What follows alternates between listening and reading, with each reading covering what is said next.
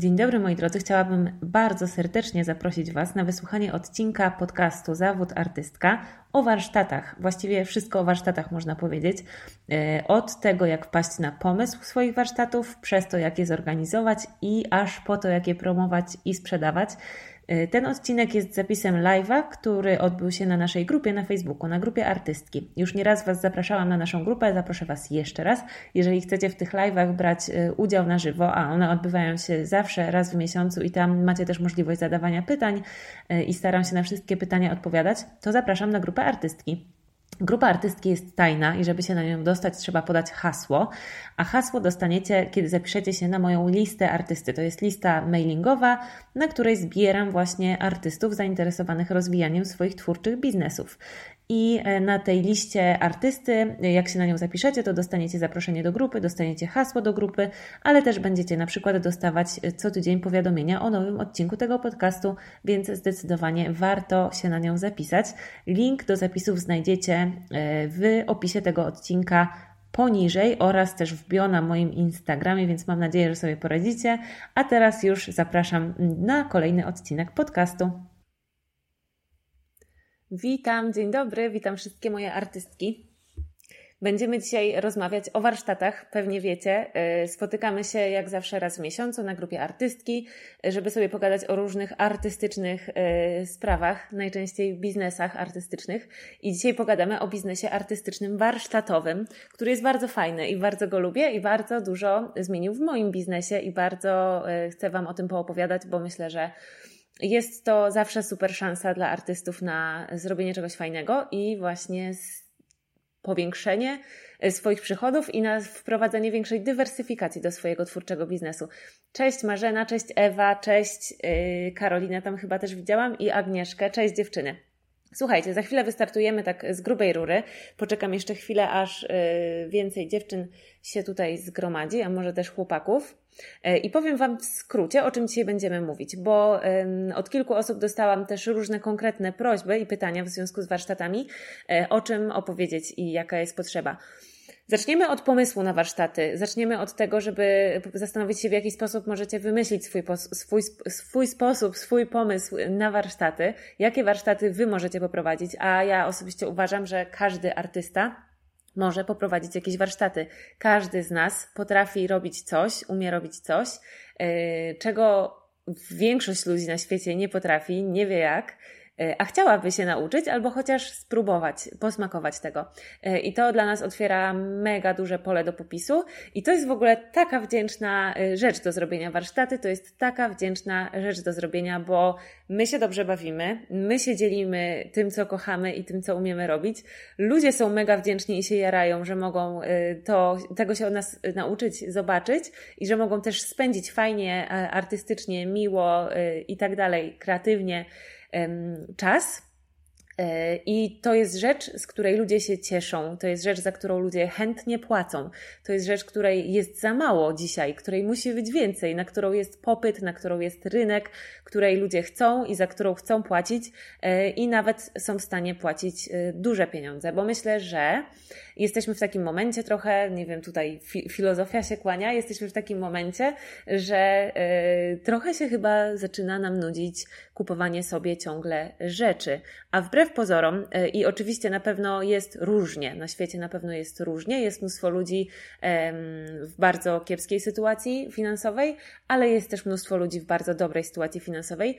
I ci ludzie chcą sobie kupować fajne rzeczy, a nawet nie tylko fajne rzeczy, ale chcą e, te swoje pieniądze wydawać na fajne też przeżycia, nie tylko na przedmioty, nie tylko na no właśnie rzeczy, ale też chcą płacić za doświadczenia, za y, naukę czegoś, za rozwój, za poszerzanie swoich horyzontów. I tutaj możemy wejść my, całe na biało i y, im to po prostu dostarczyć. Więc pogadamy o tym, jak znaleźć pomysł na swoje warsztaty. I pogadamy o tym, y, to tak głównie o tym pogadamy, jak warsztaty zorganizować. Dajcie mi w ogóle znać, bo ale widzę, że się witacie, więc pewnie mnie dobrze słychać. Um, Pogadamy też o tym, jak zorganizować warsztaty, bo o to na przykład e, dostałam pytania w wiadomościach prywatnych, czyli gdzie znaleźć, jak znaleźć miejsce na warsztaty, jak to zorganizować, jak zorganizować sprzedaż biletów, e, jak zorganizować to jako wydarzenie, event. E, o tym Wam opowiem z mojego doświadczenia.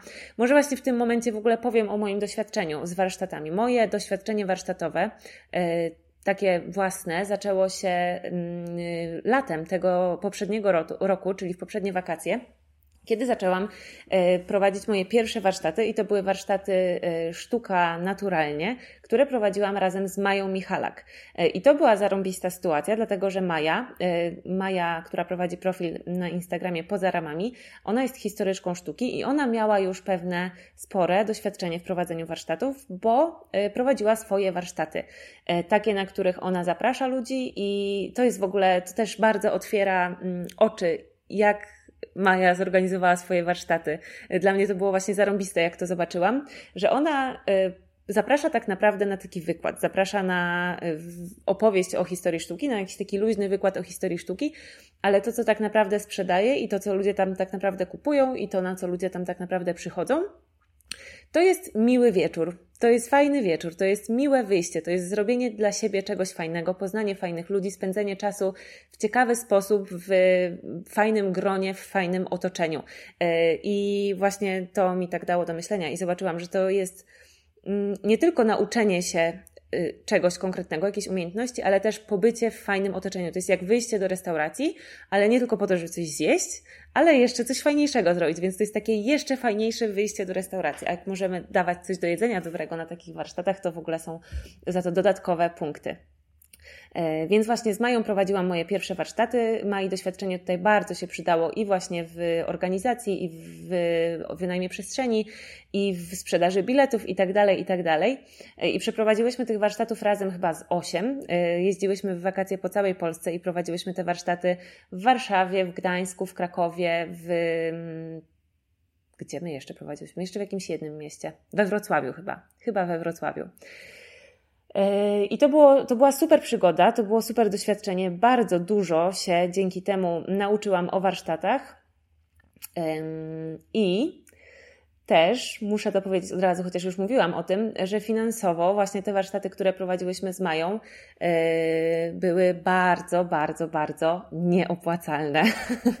to znaczy, tak naprawdę można powiedzieć, że my tam straciłyśmy pieniądze, a nie zarobiłyśmy. Nasze założenie wstępne, yy, jak zaczynałeś, jak sobie myślałyśmy o tych warsztatach na początku, było takie, żeby zarabiać tak mniej więcej 1000 zł na głowę za jeden warsztat, czyli za jeden jakby wieczór.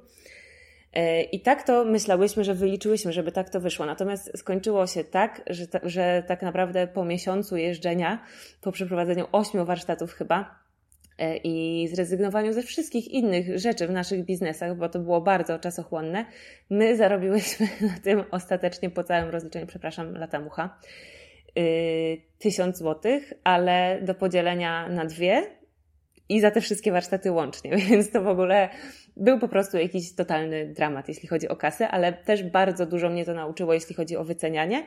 Nauczyło mnie do tego, żeby zawsze wszystko wyceniać dwa razy drożej niż mi się wydaje, że będzie dobrze mm, bo zawsze są jakieś nieprzewidziane koszty. Y, I można by było tak na to spojrzeć, że to, były, że to była klapa finansowa, bo była, krótkoterminowo patrząc, ale patrząc długoterminowo, to też o tym powiemy, o tym, jak y, te warsztaty zorganizować, czy fizycznie, czy online, bo y, później ja dokładnie te same warsztaty prowadziłam online i one już były dla mnie dużo bardziej mm, dochodowe, dużo y, lepiej na nich zarobiłam. No, nie jest trudno zarobić lepiej niż na tych pierwszych, ale mm, nie sądzę, że one by się tak dobrze sprzedały, gdyby nie to, że poprowadziłyśmy te wszystkie warsztaty w wakacje i miałyśmy mnóstwo materiału. I ludzie już latem oglądali to, jak wspaniale te warsztaty wyglądają i chcieli też na nie y, przychodzić, ale nie zawsze mogli, bo byli w innym mieście albo cokolwiek, albo się nie załapali. Więc później, y, jak wprowadziłam te warsztaty w wersji online, to one już miały bardzo dobry PR zrobiony, już miały bardzo dobry marketing zrobiony, właśnie przez to, że wcześniej się odbyły na żywo i mimo, że ja na tych warsztatach na żywo nie zarobiłam, tylko się nacharowałam, no i była to też super przygoda dla mnie i poznałam super ludzi, więc to nie jest tak, że że ja jakoś te warsztaty negatywnie oceniam. Y, one właśnie mi bardzo dużo też pootwierały drzwi i myślę, że zrobiły w ogóle mojej marce i też moim warsztatom jako produktowi bardzo dobry marketing, a marketing też może kosztować, więc można to też tak potraktować. W każdym razie właśnie później y, jesienią poprowadziłam, y, dostałam ofertę poprowadzenia takich warsztatów dla dużej korporacji, dla pracowników dużej korporacji właśnie w formie online. I przez to, że ja już miałam przeprowadzonych kilka tych warsztatów na żywo w fizycznych przestrzeniach, to było mi dużo łatwiej z przenieść to na online i wyobrazić sobie, jak takie warsztaty online mogłyby wyglądać. I tak naprawdę miałam już bardzo fajne know-how. I zrobiłam to i przeniosłam te warsztaty. Na tych warsztatach właśnie, które prowadziłam dla korporacji, zarobiłam już dużo lepiej, a później, e, i to wiedziałam od razu, że tak będzie, że później wprowadzę to do swojego sklepu jako mój produkt dla też moich, dla mojej społeczności, nie tylko dla pracowników tamtej korporacji. E, no i tak zrobiłam i pierwsze właśnie te warsztaty sprzedawałam w formie przedsprzedaży i pierwsze te warsztaty odbyły się w takiej formie, że były to warsztaty na żywo, ale przez internet i zrobiłam je po prostu jako live'a na Facebooku, tak jak my teraz ym, rozmawiamy i on trwał właśnie chyba ze trzy godziny. I nagranie tych warsztatów, które się wtedy odbyły, kiedy je pierwszy raz sprzedawałam, to było chyba w listopadzie, Obecnie można kupić w moim sklepie jako właśnie nagranie warsztatów Flourish razem z artboxem i e-bookiem jako taki zestaw. W tym także, tak jak mówię, na początku były warsztaty fizyczne, później były warsztaty online, ale na żywo, a później w tym momencie sprzedaję nagranie tamtych warsztatów, które się odbyły wtedy na żywo. W ten sposób jest to zorganizowane u mnie. E, tych warsztatów online, e, z tych warsztatów online skorzystało u mnie około 200 osób w tym momencie. E, na warsztatach na żywo nie, nie policzyłam w sumie, ile było osób, no ale było to chyba 8 warsztatów i na każdym warsztacie było kilkanaście osób, więc też sporo. I jakieś tam doświadczenie już mam i takie, że się przejechałam trochę, i takie, że coś tam źle wyliczyłam, i takie, że też była to super przygoda, i takie, że później też udało mi się to przekuć w y, finansowy też sukces. Więc jeżeli jesteście tymi tematami zainteresowane, a skoro tu jesteście, to podejrzewam, że jesteście, y, to, to zostańcie i właśnie będziemy sobie dzisiaj wchodzić głębiej w te wszystkie tematy. A jak pogadamy o organizacji i o tym, jak zorganizować takie warsztaty, to y, jeżeli wystarczy nam czasu, to porozmawiamy też o tym, jak takie warsztaty promować, jak zrobić im kampanię, jak sprawić, żeby ludzie chcieli je kupować, jak je zareklamować, jak je przedstawić, żeby, no, żeby je dobrze sprzedać. E, I jeżeli wystarczy nam czasu później, jeżeli to nie zajmie więcej niż e, godzinę 15, bo tak półtorej godziny chciałabym, żeby ten live trwał, mniej więcej może troszeczkę dłużej, to wtedy będziecie mogły też zadawać pytania e, i odpowiem na nie teraz na żywo. Marcelina pisze, ło, zupełnie inaczej słyszeć i widzieć Cię jednocześnie, a nie tylko słuchać, czyli pewnie jesteś Marcelina z podcastu. Dobra, słuchajcie, wezmę sobie łyk wody i zaczniemy. Zaczniemy od tego właśnie, jak znaleźć pomysł na swoje warsztaty. Dajcie mi znać w komentarzach, dziewczyny, co robicie, yy, czym się zajmujecie. To będziemy mogły sobie nawet tak konkretnie yy, rozkminiać, jaki mogły, jakie mogłybyście zrobić warsztaty, a może któraś z Was już warsztaty prowadzi jakieś. Może jeszcze dopowiem tylko a propos właśnie doświadczenia warsztatowego, że to teraz wakacje były moje pierwsze warsztaty, ale ja pracowałam też przez 4 lata w szkole jako nauczycielka plastyki, więc to też można potraktować. I wcześniej byłam też instruktorką w Domu Kultury zajęć plastycznych dla dzieci. Więc to, zresztą przez chwilę też nawet dla seniorek, e, więc to można potraktować też jako doświadczenie w prowadzeniu warsztatów E, trochę inaczej się pracuje z dziećmi, a trochę inaczej z dorosłymi, ale e, ja lubię uczyć w ogóle, lubię uczyć, naprawdę lubię przekazywać wiedzę, e, lubię patrzeć, jak ja coś mówię i ludzie, tego, i ludzie to słyszą i później to wcielają po swojemu w życie. To jest dla mnie wspaniałe, więc ja też bardzo lubię to robić. Dobra, patrzę, czym Wy się zajmujecie. E, Marcelina tworzy makramy i przymierza się do organizacji warsztatów. Super. Istnieje już sporo warsztatów makramowych, więc na pewno masz potwierdzenie, że jest na to rynek i że można coś takiego zorganizować, więc super. Pewnie będzie trzeba się zastanowić nad tym, e, czym się wyróżnić właśnie wśród tych wielu e, makramowych warsztatów, które już istnieją. Mila się zajmuje fotografią. Ela czasem prowadzi warsztaty artystyczne dla dzieci we współpracy z lokalnym domem kultury. E, Urszula e, zajmuje się edukacją na temat kreatywności i jej rozwojem w podcaście i na Instagramie. No to dziewczyny, e, większość z Was znam i kojarzę, także będziemy sobie tutaj w miłym, znajomym gronie rozkminiać Wasze warsztaty. Jeszcze Magda napisała. Maluję obrazy, akwarele, w sumie wszystko maluję prowadzę warsztaty plastyczne i kreatywne dla dzieci, jak i dla dorosłych. No to super. Część z Was ma już doświadczenie. Yy, możemy w takim razie się też zastanawiać nad tym, jak te warsztaty ulepszyć yy, i jak na nich lepiej zarobić, albo jak je wyskalować. I tutaj właśnie na pewno e, przeniesienie ich w formę online będzie e, super opcją do wyskalowania. Zacznijmy od pomysłu. Na pewno jest tak, że właśnie każda z Was w tym, co napisałyście, że się zajmujecie, może zorganizować warsztaty, bo na pewno nawet jeżeli nie jesteście w tym totalnymi ekspertkami, nawet jeżeli nie jesteście w tym, e, wiecie, profesorkami z 20-letnim stażem i doświadczeniem, to na pewno y, umiecie więcej niż ludzie, którzy są w tym zupełnie początkujący albo w ogóle nigdy tego nie robili. Ja, jeśli chodzi o mój pomysł na warsztaty, to powiem Wam, że bardzo długo się wstrzymywałam przed warsztatami właśnie dlatego, że nie miałam dokładnego pomysłu. Ja do dzisiaj nie wymyśliłam, mimo że bardzo bym chciała to zrobić i sporo osób mnie o to zagaduje.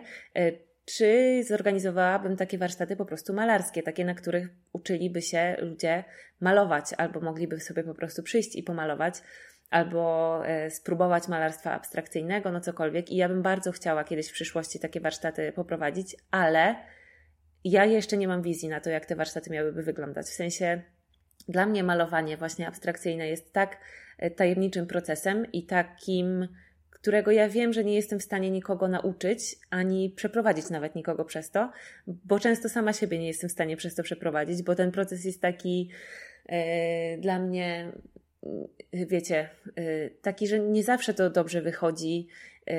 Często jest bardzo intuicyjny i no naprawdę nie widzę tego, jak miałabym poprowadzić grupę osób w tym, żeby oni pod moim okiem e, stworzyli abstrakcyjne obrazy albo zaczęli sobie abstrakcyjnie malować. Po prostu tego jeszcze nie widzę. Kiedyś to zobaczę na pewno i kiedyś to na pewno zrobię, ale to myślę, że potrzebuję jeszcze dużo więcej doświadczenia. No, tak mi się teraz przynajmniej wydaje. Może jutro poczuję, że to już, ale myślę, że potrzebuję jeszcze chyba doświadczenia e, i takiego zaznajomienia się i zanurzenia jeszcze głębiej w, i poznania mojego własnego procesu twórczego w sztuce, żeby móc y, to pokazywać innym i żeby móc się tym dzielić z innymi. Ale kiedy zaczęłam malować naturalnymi farbami, bo tam to jest takie bardzo dla mnie nieuchwytne i nieprzekładalne w ogóle. E, ale kiedy zaczęłam malować rok temu naturalnymi farbami, kiedy zaczęłam robić naturalne tusze, to natychmiast mi się zaświeciła w głowie klapka, że to jest idealny temat na warsztaty, to jest idealny motyw na warsztaty, bo to jest konkretne. E, I tutaj y, jakby kolor wyjdzie zawsze piękny i nie ma czegoś takiego, że, że się nie uda albo że nie będę umiała tego wytłumaczyć. To są tak naprawdę trochę warsztaty kulinarne, można powiedzieć, bardziej niż artystyczne, bo właśnie ta część, w której y, warsztatowicze na warsztatach tych na żywo, fizycznych malowali, to ja im naprawdę nic nie mówiłam, bo ja właśnie nie umiem. Nawet jak uczyłam w szkole, to u mnie dzieci na lekcjach plastyki po prostu sobie malowały i ja nie byłam w stanie za bardzo im powiedzieć, że musisz tu bardziej tak, albo tu bardziej tak, albo jak to zrobić. Yy, I co? I właśnie nawet dzieciom w szkole właśnie nie, nie byłam w stanie udzielać instrukcji, więc na warsztatach y, Florisz, na warsztatach Sztuka Naturalnie ludzie na początku pod moim okiem tworzyli naturalne tusze i to jest proces, który ja mogę wytłumaczyć od A do Z, opowiedzieć o nim wszystko i pokazać jak to się robi i tak dalej, i tak dalej. A później tymi tuszami dostawali papier, mieli swoje tusze i później tymi tuszami malowali i ja im się w to już w ogóle nie wtrącałam. Każdy sobie robił po prostu co chciał. Więc dla mnie to było ważne, że kiedy odkryłam naturalne farby, to od razu wiedziałam, że jest to dla mnie dobry temat na warsztaty, bo to jest coś takiego konkretnego, e, czego nie boję się poprowadzić, co rozumiem też i wiem, jak tego nauczyć, bo nie wiem, jak nauczyć kogoś malowania abstrakcyjnego, ale tworzenia naturalnych tuszów proszę bardzo. E, ale z, y, z, tego, co czytałam wasze, e, wasze wiadomości, to była wśród Was jedna malarka, a pozostałe z Was zajmujecie się takimi rzeczywiście trochę bardziej, można powiedzieć, konkretnymi rzeczami, więc może tutaj będziecie miały większą łatwość. Ale na pewno ważne jest to, żeby wyobrazić sobie, wymyślić taką formułę tych warsztatów, żeby ona była dla Was komfortowa i żebyście miały pewność, że jesteście w stanie y, coś, do, coś fajnego na tych warsztatach ludziom dać i czegoś też może konkretnego y, nauczyć, że wiecie, że będą zadowoleni, nie rozczarują się, będą mieli efekty y, z tych warsztatów. W innym przypadku może być różnie. Więc na pewno szukajcie w swoich dziedzinach, w tym, co wy robicie, ale jeszcze w obrębie tych dziedzin być może trzeba się zastanowić i znaleźć jakąś jedną konkretną taką niszkę, e, której możecie na tych swoich warsztatach nauczyć. Nie całe, wiecie, malarstwo, tylko jakaś jedna konkretna niszka, na przykład właśnie robienie naturalnych farb. Jeżeli to mają być warsztaty fotograficzne, to y, może niech to będą warsztaty właśnie, nie wiem, fotografowania martwej natury, a nie w ogóle ogólne warsztaty fotograficzne, bo to jest przecież temat na w ogóle 5 lat studiów, tak naprawdę. E, więc tak ja bym się zabrała za szukanie pomysłu e, na warsztaty. I teraz do konkretów. Jak zorganizować warsztaty i czy zrobić to fizycznie, czy online? Ja bardzo Wam polecam mm, taką opcję, jaką ja właśnie przeprowadziłam, ale możecie też zrobić tylko tak albo tylko tak. Moja opcja była taka, że na początku warsztaty były przeprowadzone fizycznie i to kilk, kilkukrotnie i była to jakby wielka akcja. Yy, cała moja, cały mój biznes, cała moja marka, wszystkie moje kanały tym wtedy żyły. A później te warsztaty przeniosłam do formy online. I uważam, że to jest świetne, bo ta część właśnie, kiedy y, robimy te warsztaty fizycznie, fizyczne, robi ogromną, ogromną e, kampanię i hype i bardzo mocno pokazuje wszystkim ludziom, którzy nas wtedy oglądają, wartość tych warsztatów, atmosferę tych warsztatów, co tam się dzieje na tych warsztatach e, i no, rozbudza ochotę na to, żeby wziąć w czymś takim udział. I później wiele osób będzie mogło skorzystać sobie z y, tych warsztatów w formie online. Ale możecie też zorganizować je też po prostu fizycznie, bo to ma swój ogromny urok. I ja na przykład osobiście bardzo się cieszę, mimo że finansowo było jak było, to bardzo się cieszę, że te warsztaty w zeszłym roku w wakacje poprowadziłyśmy razem z Mają, bo była to dla mnie po prostu super przygoda bo poznałam mnóstwo naprawdę świetnych ludzi, y, świetnych ludzi z internetu, ale mam głównie na myśli po prostu uczestniczki warsztatów.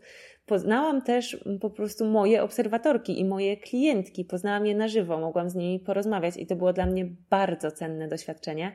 E, dowiedziałam się wtedy bardzo wielu ciekawych rzeczy o nich i mogłam zobaczyć, mogłam naprawdę pobyć z moimi e, idealnymi klientkami, z moimi z członkiniami mojej społeczności E, i zobaczyć, jak, jacy ci ludzie są e, i, i tak realnie ich poznać. I to było super cenne, też biznesowo, ale przede wszystkim tak po ludzku. Było to piękne, e, budujące bardzo, bardzo, bardzo doświadczenie i przygoda.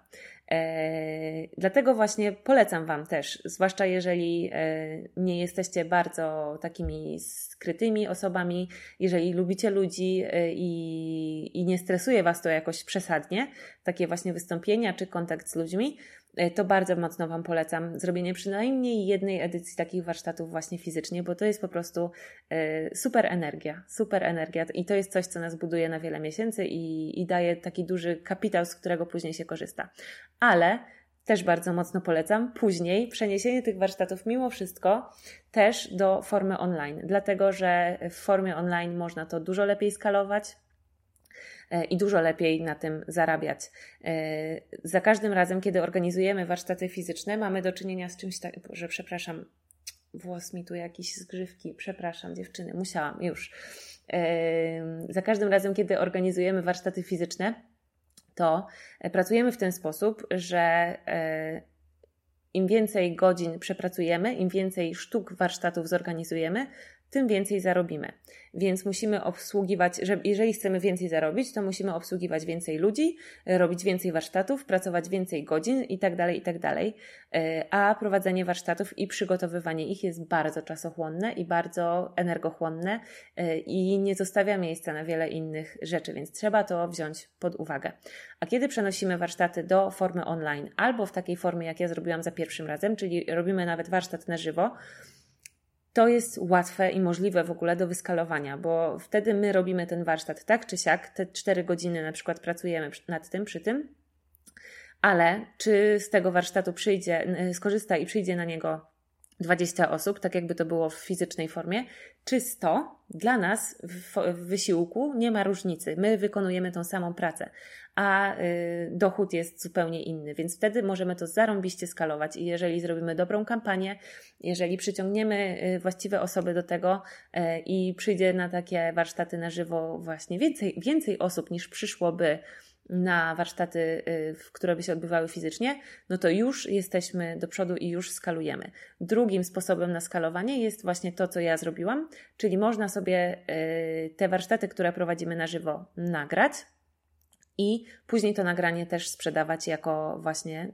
no, jako właśnie nagranie. I wtedy to już jest skalowanie totalne, dlatego że wtedy my już w ogóle nie robimy tych warsztatów i w ogóle nie wkładamy w to pracy za każdym razem takiej ogromnej, a to się może cały czas sprzedawać i cały czas przy, przynosi nam przychód. Więc to jest taka forma, że wkładamy pracę raz i później czerpiemy z tego korzyści. Później to się sprzedaje i przynosi nam przychody. I to jest coś, co bardzo warto w swoim biznesie posiadać i do swojego biznesu dodać, jeżeli tego jeszcze nie macie.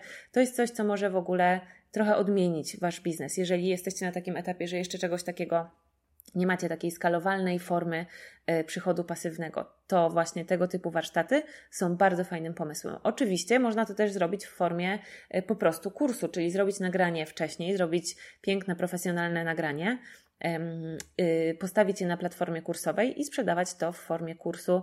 To jest coś, co ja mam plan zrobić również z, war z warsztatami Flourish y, w jakiejś tam niedalekiej przyszłości. To, co mam w tym momencie, czyli to nagranie tych warsztatów, które się odbyły kiedyś tam na żywo, y, zamienić, nagrać, zrobić piękne, profesjonalne wideo i tak dalej, i w tej formie to, to sprzedawać. Natomiast postanowiłam właśnie nie być perfekcjonistką i nie czekać, aż będę miała idealne, świetne, piękne, profesjonalne nagranie, tylko wykorzystać to, co już miałam i wykorzystać tą pracę, którą już wtedy wykonałam, robiąc te warsztaty na żywo i to nagranie udostępniać. I yy, właściwie mm, miałam same zadowolone, yy, samych zadowolonych klientów, przynajmniej nikt mi nie napisał, yy, że że jest to jakiś minus, że jest to właśnie nie nagranie takie w formie profesjonalnego wideo, tylko nagranie e, live'a. Wręcz dostawałam takie wiadomości, że jest to fajne, bo, yy, bo to się rzeczywiście działo na żywo. Ja to robiłam też na żywo, te, te tusze, yy, i uczestnicy na żywo też to robili, dawali mi znać, na jakim są etapie i tak dalej. Więc jakby. Yy, tempo moje, tempo pracy jest dostosowane i ktoś, kto razem ze mną sobie włącza te warsztaty i razem z tamtym nagraniem to robi, idzie, idzie mniej więcej takim samym tempem, więc, więc jest to y, spoko. E, coś jeszcze chciałam powiedzieć a propos, y, że jedyny minus, który uważam, że, że te warsztaty, te, które teraz sprzedaję, mają, jest taki, że są właśnie bardzo długie. W zasadzie mogłabym podzielić po prostu to nagranie na kilka części i, i wtedy może byłoby to takie łatwiej przyswajalne dla ludzi.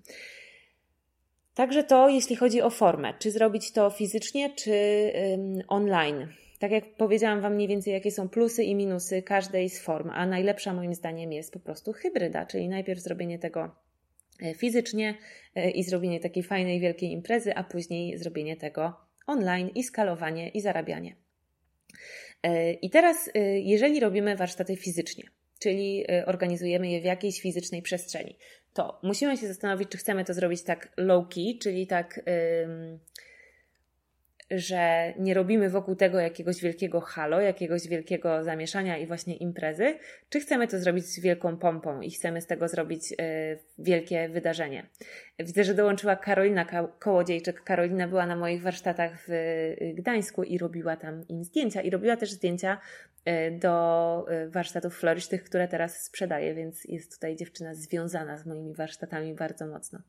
E, my postanowiłyśmy z Mają zrobić to raczej w wersji, raczej w wersji z wielką pompą i to jest to, co nas pogrążyło finansowo, bo za tą wielką pompę trzeba zapłacić i trzeba to sobie naprawdę bardzo dobrze wyliczyć i wziąć pod uwagę.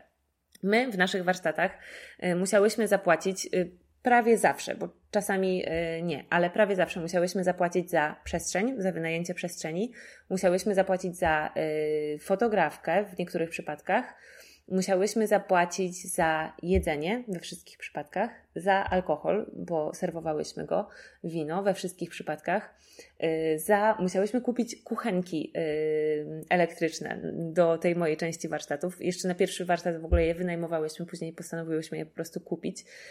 E, więc za to mnóstwo materiałów. Musiałyśmy zapłacić za te mnóstwo materiałów. To chyba wszystko. I to się właśnie tak wydawało e, niedużo, a jak to wszystko się tam razem podsumowało, to wyszło no właśnie na to, że my tamtym prawie nie zarobiłyśmy. Więc tutaj trzeba naprawdę bardzo dobrze policzyć, bardzo dobrze policzyć, ile będziecie kupowały tego picia, ile będziecie kupowały tego e, jedzenia, jakie, zorientować się, jakie są ceny. Najpierw to wszystko trzeba zrobić, zorientować się, jakie są ceny e, wynajmu przestrzeni, zorientować się, jakie są ceny właśnie, e, ile na jedną osobę ma przypadać jedzenia i ile to będzie Was kosztowało. Zorientować się właśnie, Musiałyśmy tam też dojechać, dokładnie, bo przecież jeździłyśmy i, i, płaciłyśmy za paliwo, no tak, i no, no, nie płaciłyśmy za noclegi, bo spałyśmy y, zawsze gdzieś tam u znajomych albo u rodziny, więc jakbyśmy jeszcze miały płacić za hotele, to już w ogóle byśmy były na minusie. To trzeba sobie wszystko dokładnie wcześniej policzyć i mówię Wam to właśnie z doświadczenia, bo my to myślałyśmy, że mamy wyliczone, ale co, czegoś tam chyba nie wyliczyłyśmy, może tego paliwa właśnie nie dodałyśmy. E, I tak naprawdę taka moim zdaniem formuła na wycenę takich warsztatów. My zrobiłyśmy błąd, bo my na początku po powiedziałyśmy sobie cenę. Te warsztaty kosztowały chyba 290 zł, o ile się nie mylę. Tak mi się kojarzy, ale nie jestem tego pewna. Um, powiedziałyśmy sobie taką cenę i to dla nas było i tak takie, wiecie, tak dużo. E, I wy, wypisałyśmy sobie te wszystkie koszty, odjęłyśmy te koszty, podzieliłyśmy to na dwa, no i wyszło nam, że będzie ok, ale y, ostatecznie właśnie okazało się po prostu, że tych kosztów było dużo, dużo więcej. Y, I to wszystko nie, nie wyszło tak kolorowo. Dlatego y, moim zdaniem powinno się wyliczyć te wszystkie swoje koszty, czyli materiały, wynajem, jedzenie, picie, jeżeli będziecie je serwować. Jeżeli z kimś współpracujecie, z fotografem, z kamerzystą czy cokolwiek, to też dojazd, nocleg, jeżeli potrzebny, y, wasze wyżywienie, jeżeli potrzebne, jeżeli gdzieś to robicie poza waszym miastem i tak dalej, i tak dalej. Y, I to jest cena, jakby to jest wasz koszt. I ja myślę, że spokojnie można to podwoić i to jest dopiero y, cena warsztatów. E, my zrobiłyśmy błąd, bo właśnie powiedziałyśmy na początku sobie taką cenę z góry, taką 290, tak mniej więcej się zorientowałyśmy w rynku, ile warsztaty u innych osób organizujących warsztaty kosztują i stwierdziłyśmy, że to będzie ok i w ogóle nam się wydawało, że to jest bardzo dużo i że więcej ludzie by nie zapłacili. Natomiast później e, od osób, które w warsztatach naszych uczestniczyły e, i były jakimiś tam naszymi znajomymi, później sobie rozmawialiśmy, to słyszałyśmy, że za takie warsztaty takimi właśnie fajerwerkami, z takim, z takim jedzeniem, z taką atmosferą, z takim przygotowaniem, za taki event, spokojnie mogłyśmy brać y, dużo więcej pieniędzy. Plus y, to były warsztaty z bardzo specjalistyczną wiedzą, e, moją wiedzą robienia, zrobienia naturalnych tuszów, Mai wiedzą, e, więc tak naprawdę myślę, że ta cena, którą my dałyśmy, te 290 zł, to mogła być spokojnie cena e, za sam taki suchy warsztat i do tego powinnyśmy były jeszcze doliczyć te wszystkie nasze fajerwerki, czyli właśnie jedzenie, picie, y, fotografa i tak dalej, i tak dalej, i tak dalej. Ale jak wynająć salę? Skąd wziąć y, salę? Y, to jest w ogóle bardzo ważne, zwłaszcza dla nas artystek. Wiadomo, że budujemy swoje biznesy i budujemy swoje marki i że jest ważne, jak to wszystko wygląda i jak to wszystko się prezentuje. Więc jest też fajnie, jeżeli mm, te nasze warsztaty będą zorganizowane w fajnym miejscu, w takim pięknym miejscu, w takim reprezentacyjnym miejscu, w takim, które będzie e, dobrą atmosferę wprowadzało dla uczestników i będzie też dobrze wyglądało na zdjęciach i na relacjach. Takim, wiecie, takim, do którego y, miło jest przyjść.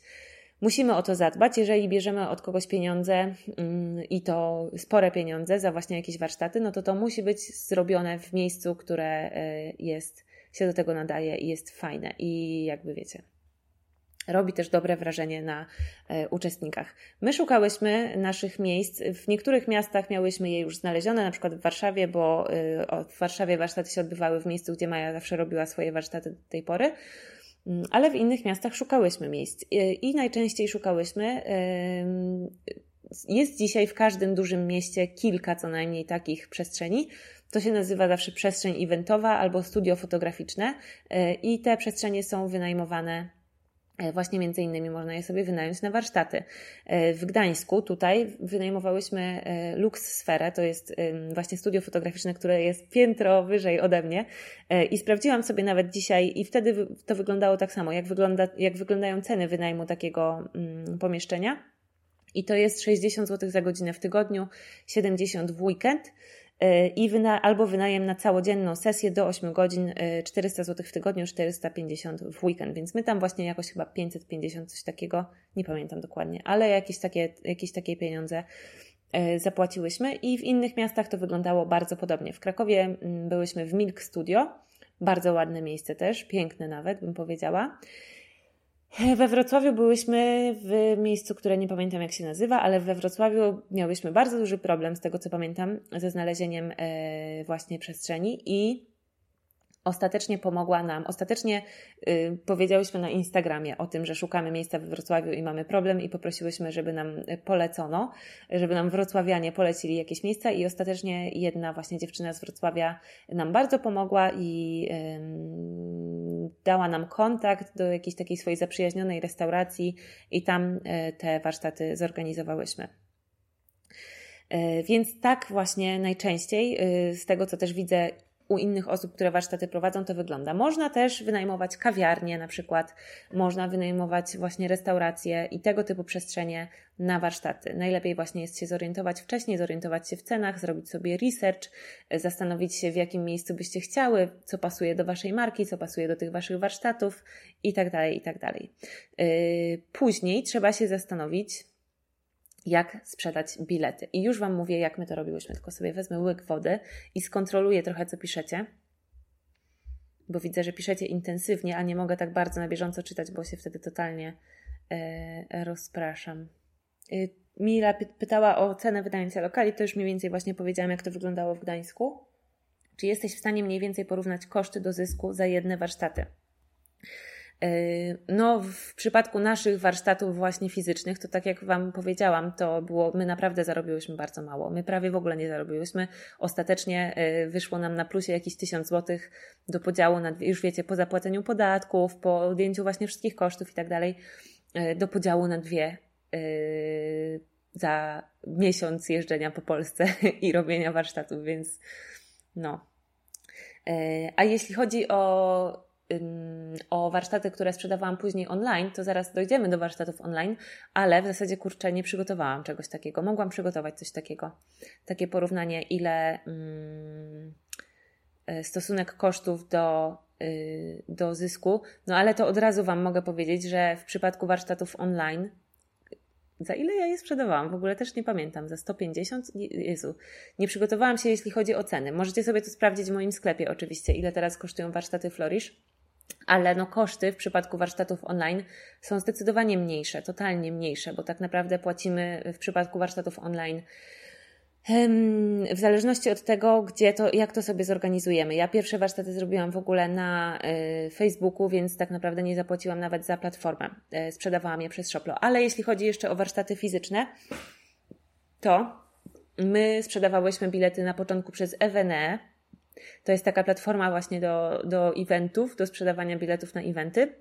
Maja z tego korzystała i, i tam to sprzedawałyśmy. Evenea to się nazywa.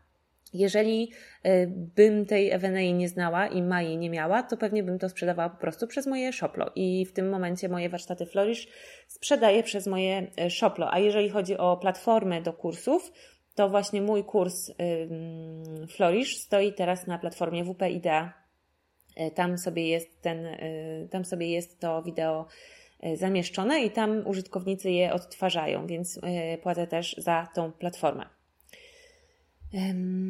Ela pyta jeszcze, na ile wcześniej musiałyście rezerwować lokale? My robiłyśmy to w chyba czerwcu i lipcu, a warsztaty były w sierpniu, z tego co pamiętam.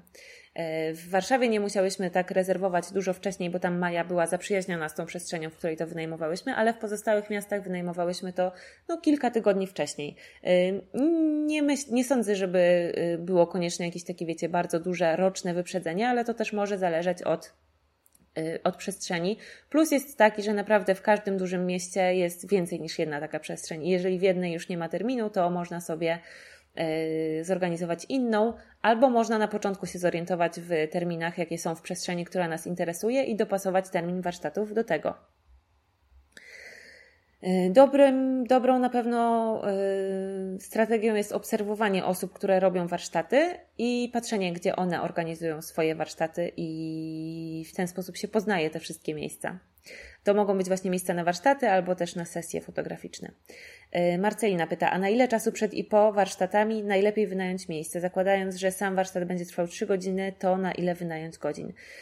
My wynajmowałyśmy na chyba półtorej godziny, nie pamiętam już dokładnie, ale myślę, że może dwie godziny przed e, i na pewno godzinę po chociaż my miałyśmy też właśnie warsztat podwójny, więc y, u nas było tak, że na początku był mój warsztat, a później był Mai warsztat i w czasie, kiedy Maja robiła swój warsztat, to ja już tam chodziłam i sprzątałam już po moim warsztacie, tak żeby było mniej roboty na później i żebyśmy się szybciej y, wyrobiły. I to w ogóle też Wam podpowiem, ale to za chwilę, jak będziemy gadać o, o tym właśnie, jak zorganizować takie wydarzenie. Yy, trzeba sobie właśnie zdecydować, yy, czy chcemy to zrobić z jedzeniem i z piciem, czy bez jedzenia i bez picia. Jeżeli to są warsztaty takie dłuższe niż dwie godziny, to proponowałabym zrobić to z przynajmniej jakąś przekąską, bo to jest taki czas, że ludzie dłużej niż dwie godziny, jak nie mają jedzenia, to się robią głodni. Yy, więc jeżeli robimy 3-4 godzinne warsztaty, to warto jakąś przynajmniej e, niedużą przekąskę w takiej minimalnej wersji zorganizować, bo e, no, ludzie się po prostu robią głodni, a jak ludzie są głodni, to nie są szczęśliwi e, i ani im dobrze mózgi nie pracują, ani dobrze nie nawiązują relacji, ani się po prostu nie cieszą, tylko myślą o jedzeniu. Niezbyt elegancko pewnie by to wyglądało, gdyby ludzie mieli przynieść swój prowiant i wyciągać w przerwie na przykład jakieś kanapki, więc najlepszym rozwiązaniem jest zorganizowanie jakiejś przekąski. I teraz tak, jeżeli robimy warsztaty w jakimś kulinarnym miejscu, na przykład w kawiarni, czy w e, restauracji, no to na pewno możemy skorzystać z ich oferty i zamówić u nich właśnie mm, sobie przekąskę czy kawę i herbatę. Y, uważam też, że lepszym, ale to oczywiście każdy sobie sam decyduje, ale moim zdaniem lepszym sposobem jest y, zamówi, jakby wliczenie w cenę tej jednej przekąski i jednego na przykład napoju, y, w cenę warsztatów i zamówienie tego dla wszystkich niż yy, nie wliczenie tego w cenę i skoro już jesteśmy w kawiarni, to teraz jest przerwa i każdy może sobie coś zamówić. Yy, to może być właśnie kłopotliwe, takie organizacyjnie nawet. Ktoś będzie chciał sobie zamówić coś dużego, ktoś coś małego, później ten ktoś to coś dużego będzie długo jadł, ten, ten ktoś coś małego krótko i tak dalej, i tak dalej. Kuchnia też będzie lepiej przygotowana, jak będzie wiedziała, że w jednym momencie będzie miała wydać na przykład 14 y, ciast, niż zbierając zamówienia i wydając wszystko na bieżąco. I najlepiej właśnie to w ten sposób pewnie zorganizować, i u nas też e, to tak było, że w pewnym momencie jest w czasie warsztatów przerwa. E, przerwa na jedzenie i picie, i to jest bardzo fajny moment, bo wtedy ludzie też ze sobą rozmawiają i się poznają. To było takie fajne w ogóle do obserwowania na naszych warsztatach fizycznych.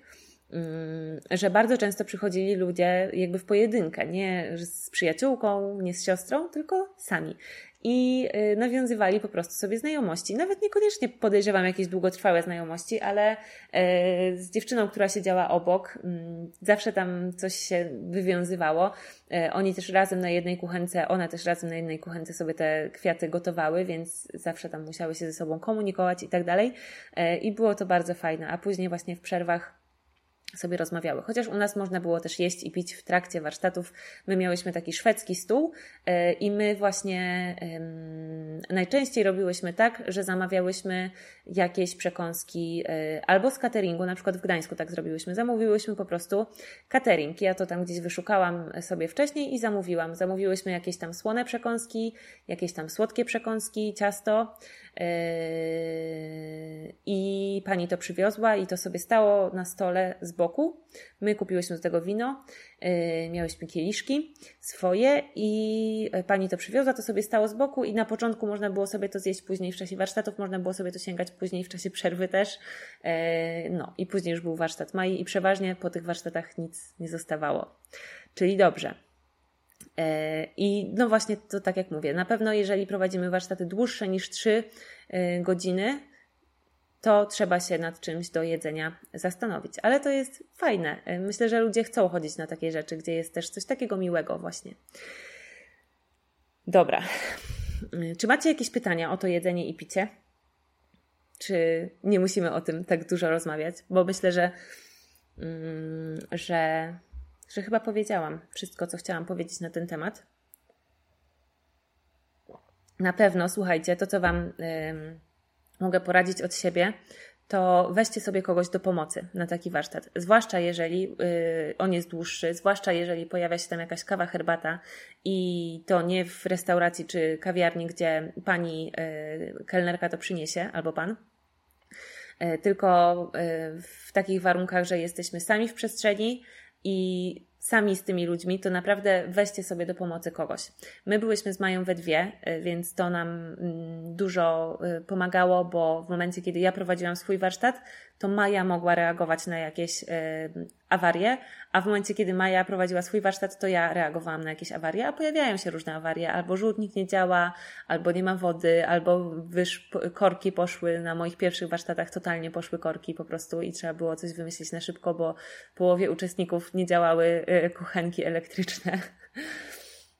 E, a to właśnie komuś tam zrobić kawę, a to komuś pokazać, gdzie jest łazienka, a to coś tam, coś tam. Więc naprawdę, y, jeżeli prowadzicie warsztaty solo, to przyda Wam się bardzo jakaś przyjaciółka, albo siostra, albo mąż, albo chłopak, albo ktokolwiek do takiej organizacyjnej pomocy, jako taka, wiecie, taka, e, taki anioł e, stróż latający i czuwający, żeby wszyscy byli zadowoleni i żeby wszystko świetnie grało, bo Wy będziecie się musiały skupić na poprowadzeniu warsztatów, na dbaniu o atmosferę, atmosferę, na kontakcie z uczestnikami, a nie na właśnie lataniu i na przykład rozwiązywaniu problemów z prądem.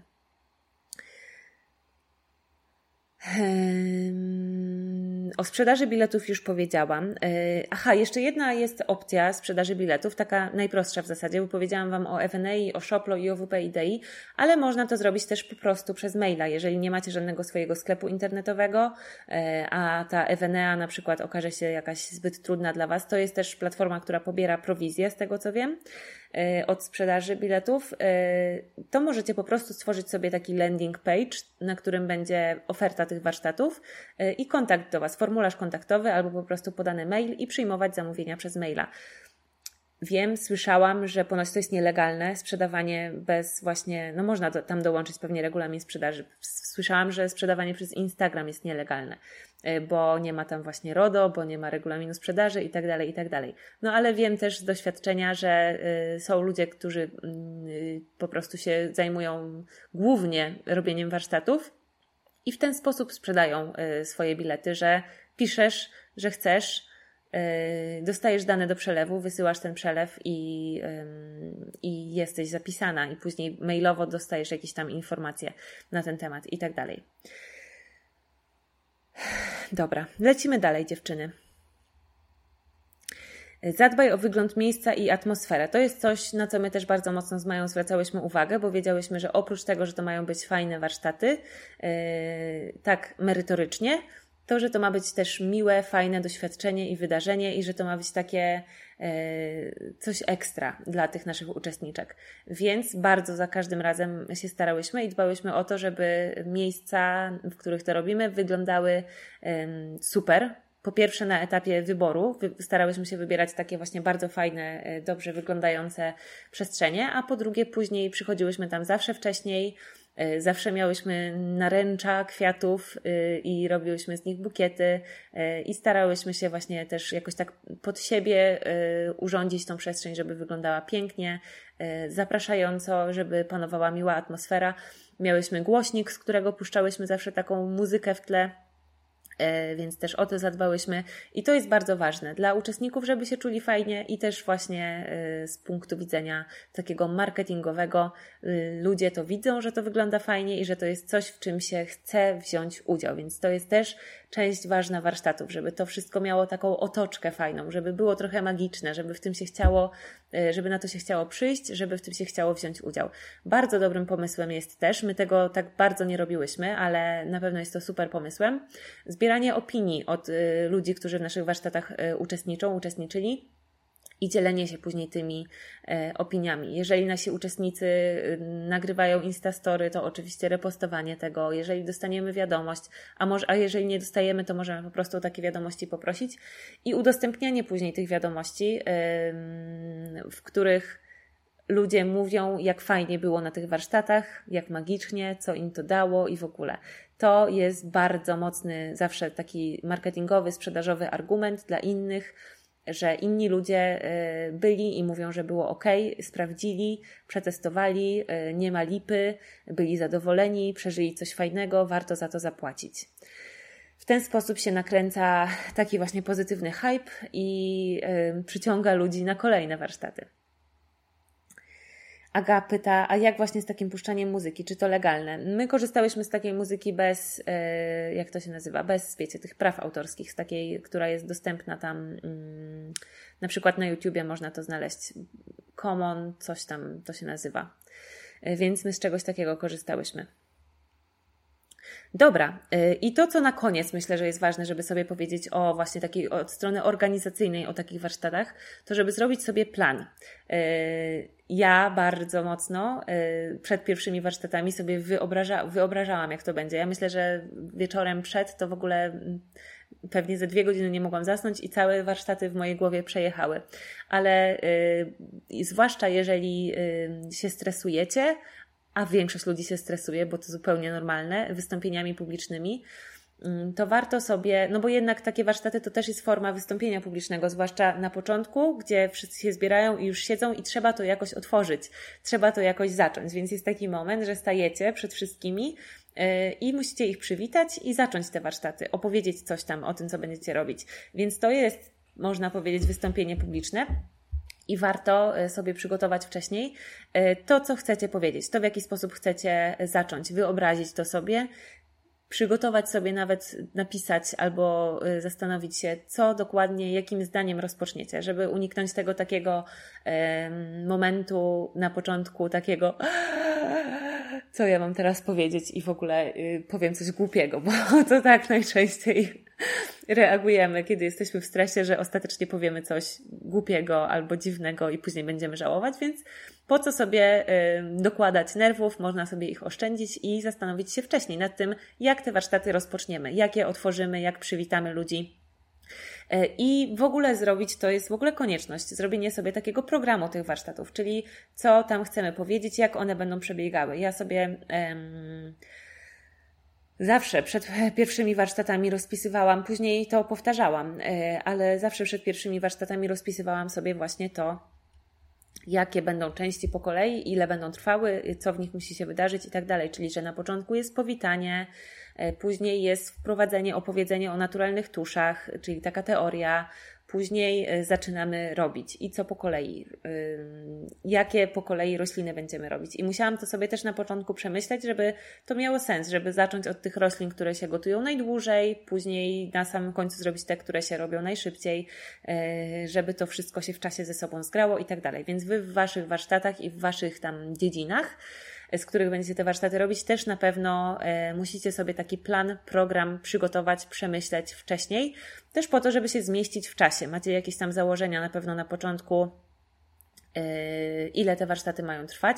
To też na pewno trzeba podać w ofercie, ile takie warsztaty y, będą trwały i warto jest wymyślić je tak, żeby przeprowadziły przez jakiś proces od A do Z i żeby zacząć, przyjść, zacząć i żeby w czasie tych warsztatów możliwe było ukończenie tego czegoś, co na tych warsztatach mamy zrobić, żeby to sobie zabrać do domu. W naszym przypadku, w moim przypadku to było stworzenie właśnie naturalnych tuszów i później był, była też chyba 45 minut na malowanie i uczestnicy ze sobą zabierali do domu tusze i namalowanie malowane przez siebie e, obrazy. A po moim warsztacie następował warsztat Mai. E, I to był taki warsztat, e, gdzie Maja opowiada i pokazuje prezentację i też dyskusję prowadzi. I były osoby, które nie skończyły malować podczas tego czasu, który był na to przeznaczony, i słuchając Mai, jeszcze tam sobie malowały obrazy na przykład. Trochę było to z mojej strony nieprzemyślane i trochę był to błąd, ale z drugiej strony do dzisiaj nie wymyśliłam, jak to można lepiej obejść. że te obrazy właśnie tymi mokrymi technikami wodnymi malowane na koniec warsztatów, mimo że później było jeszcze jakieś półtorej godziny warsztatu Mai, były niektóre mokre, zwłaszcza jeżeli ktoś używał dużo wody i było je bardzo trudno przenieść, przetransportować, bo po prostu się rozlewały. Więc z tym tam sobie różnie ludzie radzili, bo też nie każdy samochodem przyjechał.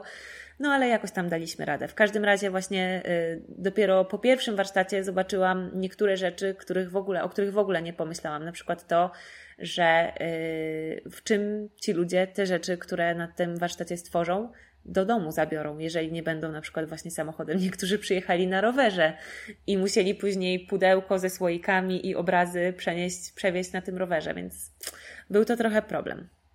Dlatego warto zrobić plan i, przepraszam za muszkę, i warto, ym, i, i warto sobie dokładnie wyobrazić, jak te warsztaty będą wyglądały i spróbować antycypować wszystko, cokolwiek może się wydarzyć i cokolwiek y, będzie potrzebne. Jeżeli y, coś na tych warsztatach ludzie robią, z czym co później zabierają do domu, to czy będzie możliwe przeniesienie tego, czy będą w, mieli w czym to przenieść. Jeżeli potrzebna jest jakaś na to y, torba czy cokolwiek, to trzeba to wcześniej kupić. Słuchajcie, to tyle jeśli chodzi o organizację warsztatów. Teraz możecie mi może do tej części zadać y, pytania jakieś, jeżeli jeszcze jakieś macie, y, bo chciałabym przejść do tego, jak warsztaty promować, bo to jest też bardzo ważna część, jeżeli nie jeszcze ważniejsza, no nie, myślę, że tak samo ważna, ale na pewno też y, dużo można o tym pogadać. Więc jeżeli macie jakieś pytania jeszcze o organizację, o przebieg warsztatów, jak się do tego przygotować i tak dalej, to dawajcie teraz a za chwilę przejdziemy do tego, jak warsztaty promować, jak przygotować taką kampanię marketingową y, dla naszych warsztatów. Jak promować warsztaty? Pierwszy pomysł, y, którym właśnie Maja Michalak mnie zauroczyła i z tego powodu rzuciła mi się w oczy i z tego powodu do niej napisałam i chciałam z nią te warsztaty przeprowadzić jako nasze wspólne, bo zobaczyłam, że ona zarąbiście ogarnia właśnie tak marketingowo i że ma mnóstwo zarąbistych pomysłów na to, jak docierać e, do ludzi e, z rzeczami, które robi i jak do tego angażować właśnie osoby z internetu, e, influencerki tak zwane. Bo Maja wcześniej jeszcze przed naszymi warsztatami zorganizowała takie śniadanie ze sztuką, czyli takie właśnie swoje poranne warsztaty na które zaprosiła właśnie influencerki. Była na tych warsztatach Asia Banaszewska, Ania Ulanicka, e, Karolina Sobańska i nie pamiętam teraz w tym momencie kto jeszcze, no ale takie wiecie, fajne bardzo e, influencerki. I ja mówię sobie, wow, ale ta dziewczyna ma web, naprawdę. I napisałam do niej. I ponieważ mnie stresuje pisanie do influencerek, jakieś takie propozycje właśnie współpracy i zaproszenia i tak dalej, więc od razu, jak tylko z moją pierwszy raz rozmawiałyśmy i rozmawiałyśmy też o podziale y, obowiązków, to właśnie zapytałam ją, czy może się zająć tą działką, bo ja nie lubię tego i mnie to stresuje i mnie to zjada. A ona powiedziała, tak, w ogóle nie ma problemu, ja to lubię robić i nie mam z tym żadnego problemu. Więc po prostu u nas Maja się tym zajęła, y, a ja strategicznie właśnie dlatego też z Mają chciałam współpracować. Między innymi, oprócz tego, że jest fajną dziewczyną. No więc y, Maja robiła właśnie już wcześniej takie śniadanie ze sztuką i my też w takiej formie zrobiłyśmy sobie promocję naszych warsztatów. Zanim wyruszyły, wy, mm, tak, zanim ruszyłyśmy ze sprzedażą, y, zrobiłyśmy takie pierwsze warsztaty, które były taką jazdą próbną, można powiedzieć, na które zaprosiłyśmy y, właśnie różne dziewczyny z internetu, różne influencerki. Na tych warsztatach była znowu innymi Ania Ulanicka, tam ją poznałam, y, była y, Kabrazilka, była y, Mary Wyszomierski, była Boże, Ola Kajo była na tych warsztatach, no właśnie znowu Karolina Sobańska.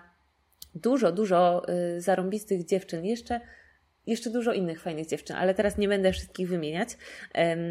Przyszło na te warsztaty i w ogóle to była też dla mnie super okazja, żeby poznać te wszystkie dziewczyny, e, ale no też miało to totalnie taki charakter marketingowy. Chciałyśmy w ten sposób wypromować te warsztaty, chciałyśmy w ten sposób żeby nowe osoby, które nas jeszcze nie obserwują, się o nich dowiedziały i w ogóle, żeby jak najwięcej osób się o nich dowiedziało i pokazać je właśnie jako coś takiego też fajnego, na co chodzą fajne dziewczyny. I te pierwsze warsztaty, to, y, to miało też taki swój zarąbisty plus, że to były warsztaty, y, na, na, które nie przyszli ludzie, którzy za nie zapłacili, więc to była też taka jazda próbna dla nas, taka jazda testowa, że zobaczyłyśmy, co musimy dopracować, czego brakuje, właśnie te wszystkie takie rzeczy, które dopiero tak naprawdę można zobaczyć, y, jak się te warsztaty przeprowadzi i jak na żywym organizmie się to przeprowadzi, jak ludzie przyjdą i zaczną je robić, to dopiero wtedy widać, co, czego jeszcze brakuje, co trzeba dopracować. E, więc to jest bardzo fajny sposób i jeżeli chcecie to od nas ściągnąć, to bardzo proszę, e, jeżeli tylko macie e, taką możliwość i też chęć i śmiałość do tego, to zapraszam. Jest to bardzo fajne, bardzo fajna forma. Trudno jest powiedzieć, jak to się, wiecie, przełożyło na sprzedaż tych warsztatów. E, bardzo trudno jest to jakby zmierzyć, ale e, no na pewno nie zaszkodziło i dla nas też było super doświadczenie. E, wszystkie dziewczyny, które na tych warsztatach były, zrobiły piękne z nich relacje, oznaczenia, opowiedziały o nich swoim społecznościom itd., tak itd. Tak na takich warunkach współpracowałyśmy z influencerkami, że po prostu je zaprosiłyśmy i one przyszły i tyle. Mm, ani one za to nie dostały pieniędzy, ani one nie płaciły za bilety. Więc jakby no my musiałyśmy ponieść koszt tych warsztatów, yy, zorganizować właśnie wszystko, czyli i materiały, i jedzenie, i przestrzeń, i wszystko. No wina tam nie było, bo to były warsztaty poranne, ale właśnie no jakby było to od początku takie założenie, że te warsztaty będą miały taki charakter marketingowy i że pomogą nam w promocji. I też przy okazji na takich warsztatach, które są jazdą próbną, polecam Wam bardzo zrobić coś takiego. Jeżeli nie dla influencerek, to chociażby dla znajomych i rodziny. Y, albo być może nawet na początku zaprosić po jakiejś niższej cenie mm, jakąś tam najlepszą część, na przykład najbliższą część swojej społeczności na takie warsztaty, y, w, w ramach takich, w charakterze takich testerów, żeby przetestowali, jak te warsztaty są, czy są dobrze zaprojektowane, e, czy wszystko gra i tak dalej, i tak dalej. Plus te osoby, Y, przy okazji zrobią y, z tego relacje, będzie już co udostępniać, mogą zrobić opinię, będzie już też co pokazywać. y, i możemy już na te warsztaty właśnie zaprosić fotografa, fotografkę, który będzie robił relacje z tych warsztatów i później ta relacja z tych warsztatów może nam posłużyć jako właśnie materiały do promowania kolejnych. Bardzo fajnie jest, jeżeli już coś sprzedajemy, mieć jakby obrazek, jak to wygląda. Dlatego dobrze jest zrobić taką jazdę próbną, taką wersję beta, na której będziemy mogły już sobie zrobić zdjęcia i wszystko będzie pięknie wyglądało i będziemy sobie tych materiałów po prostu używały y, do sprzedaży kolejnych warsztatów. O, Ewa pisze, że mnie poznała właśnie dzięki Ani Ulanickiej i jej relacji z warsztatów. No właśnie. I to były pierwsze warsztaty, które myśmy przeprowadziły. Później już kolejne były y, i tego dnia my to wymyśliłyśmy w ten sposób, że w ogóle trzymałyśmy całą tą akcję w wielkiej tajemnicy do tego momentu i y, ja, wiecie, tam trzymałam tajemnicę, że ojejku, jadę do Warszawy, nie, nie, nie wiadomo po co. Y, I w końcu zdradziłam po co. I tego dnia, kiedy były warsztaty właśnie z influencerkami, zaczęła się też sprzedaż biletów na warsztaty. Miałyśmy już wtedy ustalone terminy warsztatów właśnie takich normalnych, e, takich, które miały być w normalnej sprzedaży dla powiedzmy normalnych ludzi. Mm, I, mm, i, i, I w tym dniu, kiedy były te warsztaty, pierwsze, te dla influencerek, ruszyła sprzedaż e, biletów na te już właściwe warsztaty. I zobaczyłyśmy, że to w ogóle bardzo ładnie poszło. Oczywiście emocje były niesamowite i my nie wiedziałyśmy, jak to się przyjmie, ale ostatecznie, ja już tak dokładnie tego wszystkiego nie pamiętam, ale ostatecznie chyba y, za pierwszym razem sprzeda sprzedawałyśmy dwie grupy chyba w Warszawie. Y, I wszystkie bilety na te warsztaty się wyprzedały, więc to było super. Cała grupa była zajęta. Y, no i to było wspaniałe. Właśnie bilety sprzedawałyśmy przez portal Evenea te pierwsze warsztaty, które już, na które już sprzedawałyśmy bilety, to tak naprawdę były właśnie już nasze drugie warsztaty, więc my już to miałyśmy jakby przetestowane na tych naszych pierwszych warsztatach e, z influencerkami i to było super.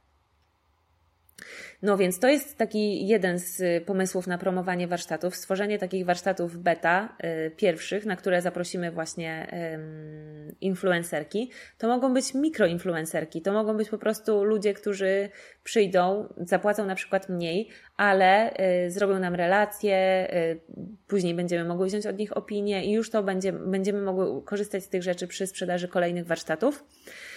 Bardzo fajnym pomysłem jest też, nawet jeżeli, robicie kilka warsztatów, to można to sobie, tą współpracę z influencerkami rozproszyć i na każdy warsztat zapraszać jedną lub dwie dodatkowo. I wtedy macie też tak fajnie, że oprócz tego, że prowadzicie ten warsztat i już na tym zarabiacie, to dodatkowo jest to też dla Was źródło promocji, bo influencerka, która przyjdzie e, i pokaże te warsztaty Wasze, też daje Wam dodatkową formę reklamy. Oczywiście, jeżeli to jest współpraca barterowa, czyli po prostu zapraszamy taką e, dziewczynę na takie warsztaty e, i ona za to nie dostaje żadnych pieniędzy, no to nie możemy, moim zdaniem przynajmniej, ja z takiego założenia wychodzę, oczekiwać czy wymagać czegokolwiek wtedy jeżeli zapraszamy, to zapraszamy. Jeżeli taka osoba y, będzie, będzie, będą jej się te warsztaty podobały i będzie chciała je pokazywać i promować, no to super, to będzie nam bardzo miło. Oczywiście my robimy wszystko, żeby tak było, żeby te warsztaty były super i zachwycające i żeby aż się chciało je pokazywać innym.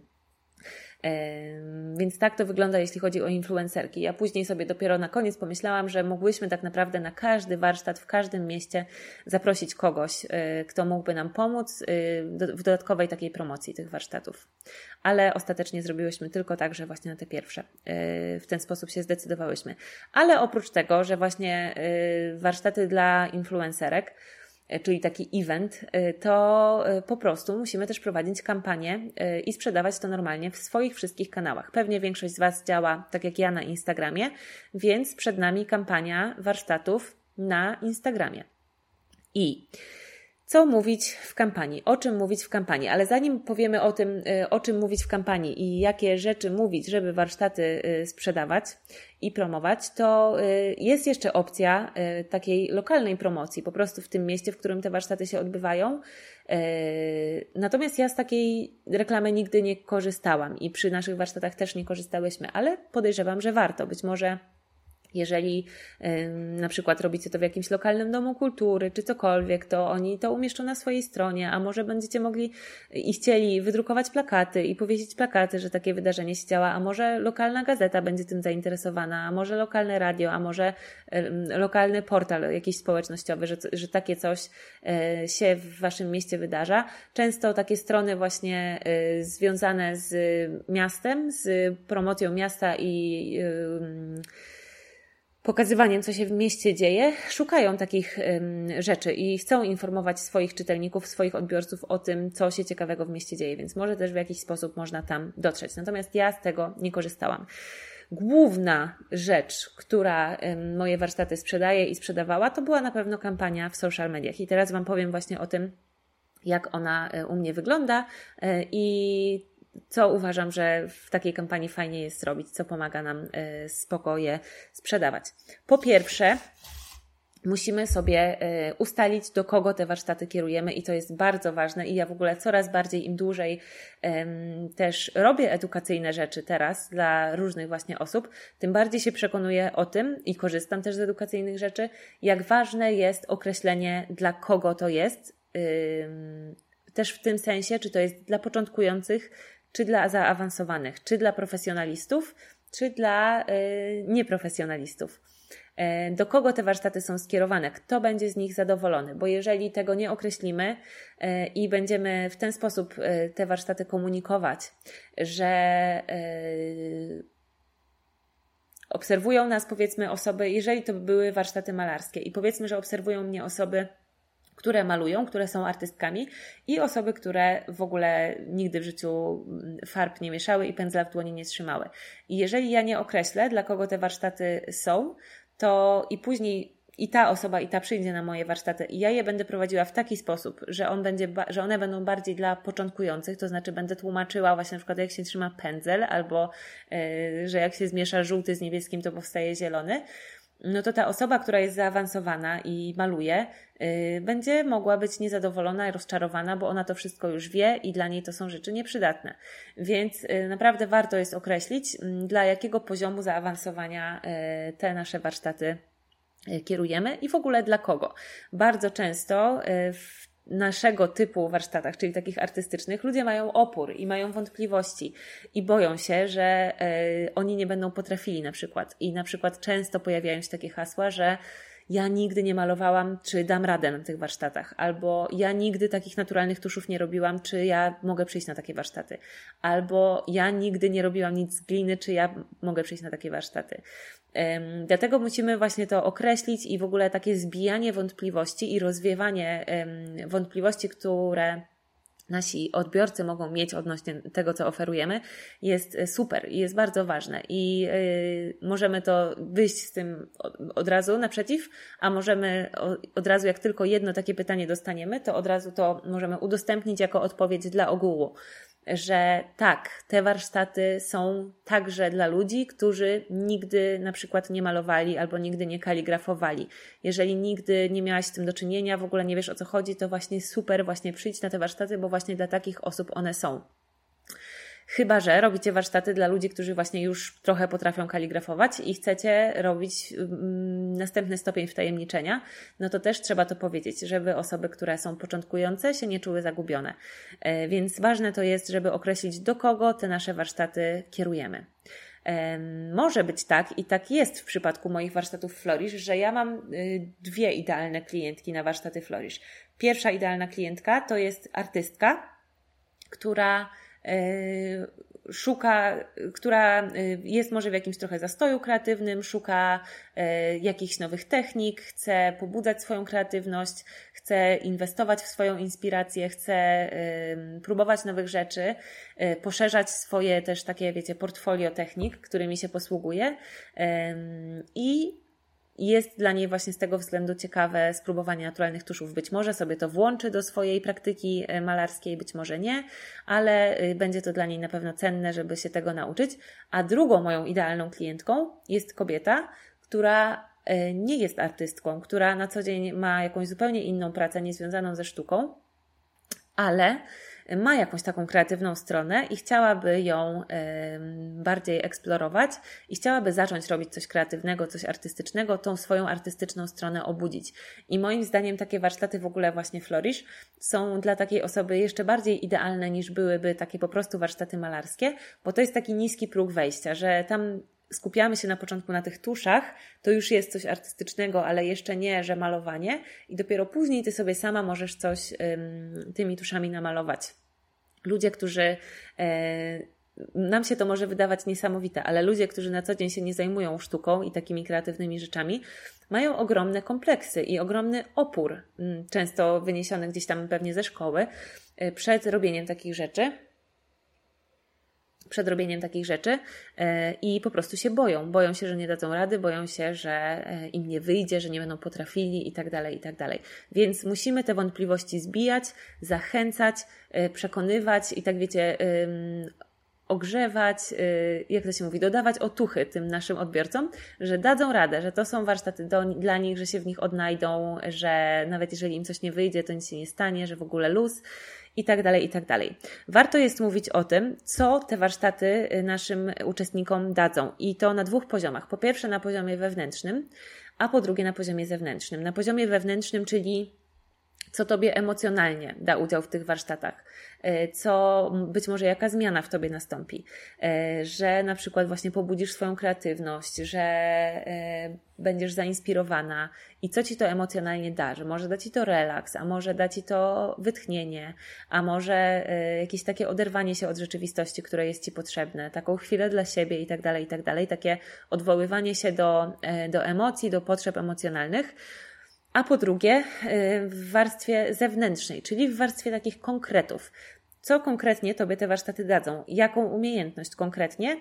I też jakie rzeczy konkretnie? To znaczy, że na przykład na tych warsztatach nauczysz się wyplatać makramy i wypleciesz swoją pierwszą, czy tam niekoniecznie pierwszą makramę i zabierzesz ją ze sobą do domu, plus na przykład zestaw włóczek do zrobienia kolejnej makramy.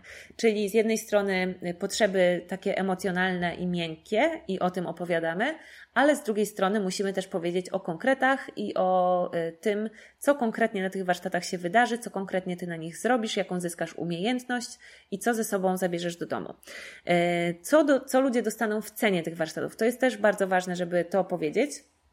I to się właśnie też odwołuje do tych konkretów.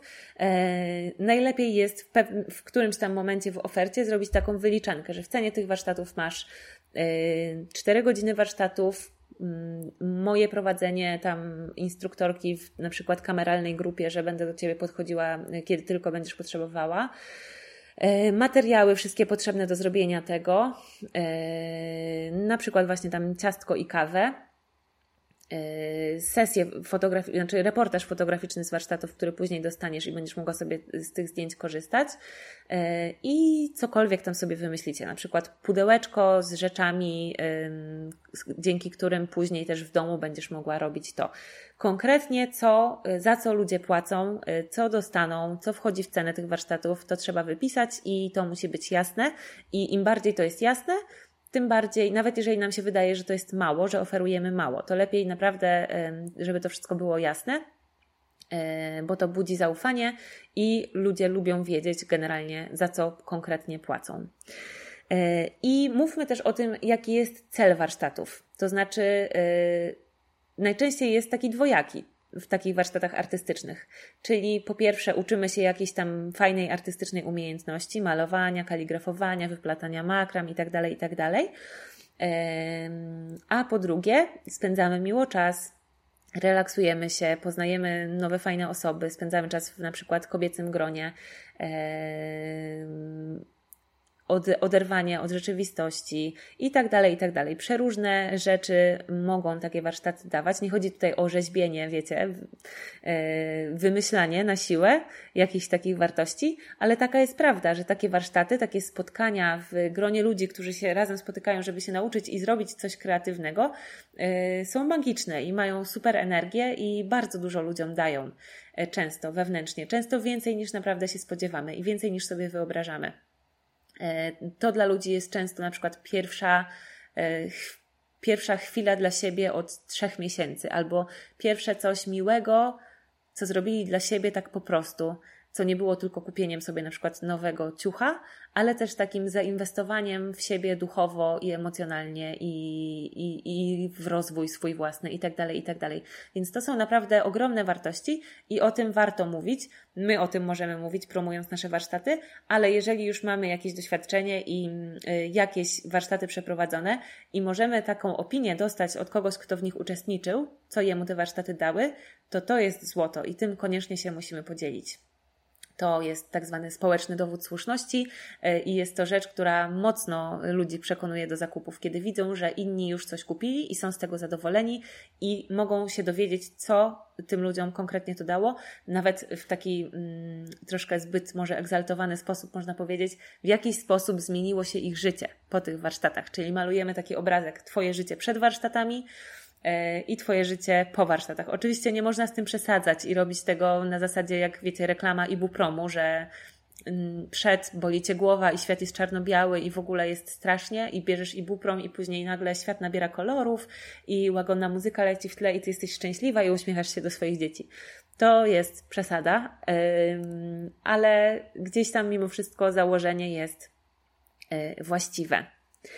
I na koniec jeszcze raz o rozwiewaniu wątpliwości. Rozwiewajmy wątpliwości. Zastanówmy się. Możemy być wyczuleni po pierwsze na to, jakie wątpliwości się rzeczywiście pojawiają i z jakimi wątpliwościami ludzie do nas piszą, a po drugie możemy to antycypować i zastanowić się, yy, jakie ludzie mogą mieć opory przed y, przyjściem na takie warsztaty. Może na przykład boją się przyjść sami y, i myślą sobie, że przyszliby, ale gdyby mieli z kim, gdyby na przykład przyjaciółka z nimi poszła, to okej, okay, ale y, sami to będą się wstydzili, więc można to sobie wyobrazić, bo bardzo często tak jest i możemy wyjść i wcześniej powiedzieć o tym, że nawet możesz przyjść na te warsztaty sama, bo większość ludzi będzie przychodziła sama i w ogóle to jest miła atmosfera i zawsze na takich warsztatach wywiązują się rozmowy e, i nie będzie niczym dziwnym na przykład, że będziesz na nich sama, bo, bo większość osób przychodzi właśnie sama na takie warsztaty. E, I jest to fajne, bo wrzucamy się w zupełnie nowe środowisko, w którym musimy się odnaleźć i nawiązać jakieś kontakty. Dziewczyny, skończyłam. Miałam tutaj przygotowane notatki i dojechałam właśnie do ich końca, jeśli chodzi o kampanię warsztatów. Myślę, że jeżeli e, przygotujecie kampanię e, mniej więcej w takiej formie, e, o jakiej powiedziałam, i jakoś tam zrealizujecie te punkty, o których powiedziałam, czyli będzie jasne, do kogo te warsztaty są kierowane, będzie jasne, co te warsztaty ludziom mają dać, i to w warstwie wewnętrznej, emocjonalnej i zewnętrznej warstwie konkretów, co ludzie dostają w cenie, czyli bardzo konkretna, przejrzysta, jasna oferta, e, jaki jest cel tych warsztatów, co e, może się zmienić tak mówiąc właśnie wzniośle w życiu ludzi dzięki tym warsztatom, co mają one im dać i rozwiewamy wątpliwości, jakie się pojawiają i jakie się wyobrażacie sobie, że mogą się pojawić w głowach Waszych potencjalnych warsztatowiczów. To tyle. I mamy 19.22, więc e, spokojnie jeszcze kilka minut możemy poświęcić na QA. Mnie tylko trochę już e, boli gardło, ale postaram się jeszcze trochę z Wami pogadać. Jeżeli macie jakieś pytania odnośnie warsztatów w ogóle, albo może macie już jakieś konkretne e, pomysły na swoje warsztaty i chcecie to przegadać, to śmiało teraz dawajcie. Ja widzę, że są tu już jakieś komentarze, których nie przeczytałam, więc do nich wracam, a Wy w międzyczasie możecie też zadawać dodatkowe pytania. E, Ela pisze tak. A zakładając ewentualny czarny scenariusz, że po rezerwacji miejsc i ogłoszeniu warsztatów zgłoszą się na przykład tylko dwie osoby albo nikt, co byście zrobiły? Okej. Okay. E, już się zastanawiam. Można to zorganizować trochę odwrotnie, czyli zrobić taką jakby formę przedsprzedaży. Na początku zbierać grupę i powiedzieć, że, że jeżeli nie zbierze się grupa na przykład pięciu osób, to warsztaty się nie odbędą. Nie odbędą. Um, tak bym to zrobiła, że na początku zebrałabym sobie grupę zainteresowanych, zrobiłabym może formę przedsprzedaży, bo też um, lista zainteresowanych, ludzi, którzy potencjalnie coś kupią, a lista osób, którzy rzeczywiście dadzą pieniądze, to zawsze będą dwie różne listy, więc zrobiłabym tutaj jakąś formę zaliczki. No i tu pojawia się problem, jeżeli jeszcze takiej warsztaty się nigdy nie odbyły, to, yy, to trochę jest takie właśnie wróżenie z fusów. Ale różne produkty są sprzedawane w przedsprzedaży yy, i to się często sprawdza warto jest coś y, w przedsprzedaży, czyli że to jeszcze tego produktu fizycznie nie ma, takie warsztaty się jeszcze nie odbyły, więc nie mam jak Wam pokazać, jak to będzie wyglądało, ale chcę coś takiego zorganizować. Jak najbardziej, zwłaszcza jeżeli mamy y, zaangażowaną społeczność, to myślę, że spokojnie można takie coś zrobić. To znaczy sprzedawać pierwsze warsztaty bez zrobienia wcześniej takich warsztatów próbnych i nawet bez materiałów, gdzie po prostu opowiadamy o tym, że chciałybyśmy zrobić takie warsztaty, że się jaramy, jaki jest pomysł, jaka jest koncepcja, jak to będzie wyglądało, co chcemy na takich warsztatach zrobić, te wszystkie punkty z kampanii, o których mówiłam. E, I jeżeli jesteś zainteresowany i chcesz w takich warsztatach wziąć udział, to tutaj właśnie możesz sobie kupić bilet, albo może na przykład jakąś formę zaliczki tylko na początku zbierać, albo cokolwiek. Myślę, że jeżeli mamy właśnie zaangażowaną społeczność albo zainteresowaną mocno tym, co chcemy na tych warsztatach robić, to spokojnie można tak zorganizować. A jeżeli będzie z tym problem i na przykład za pierwszym razem nie wyjdzie i nie uzbierasz takiej grupy, to wtedy spróbowałabym zrobić naprawdę takie właśnie warsztaty próbne albo y, z jakąś tam grupą osób, znajomych, rodziny, cokolwiek, albo zorganizować właśnie warsztaty dla influencerek, taki event i, i mieć tam fotografa, robić tam zdjęcia i tak dalej. Relacja fotograficzna z takich warsztatów jest bardzo ważna. bo oczywiście na zdjęciach y, takich robionych przez fajnego fotografa wszystko wygląda lepiej niż w rzeczywistości i na pewno 100 razy lepiej niż na zdjęciach, które my byśmy na przykład na szybko zrobiły, wiecie, tam telefonem czy nawet aparatem, ale na szybko podczas prowadzenia warsztatów, więc warto y, współpracować z fotografami przy, przy, przy warsztatach. E, Karolina tak napisała, moja Karolina Kołodziejczyk, fotografka. E, no właśnie, po zrobieniu warsztatów Flourish zaprosiłam koleżanki, zrobiłam drinki i pierwszy raz malowałam. Efekty były zatrważające, ale zabawa przednia. Właśnie to jest niesamowite, że ludzie, którzy e, nie malują,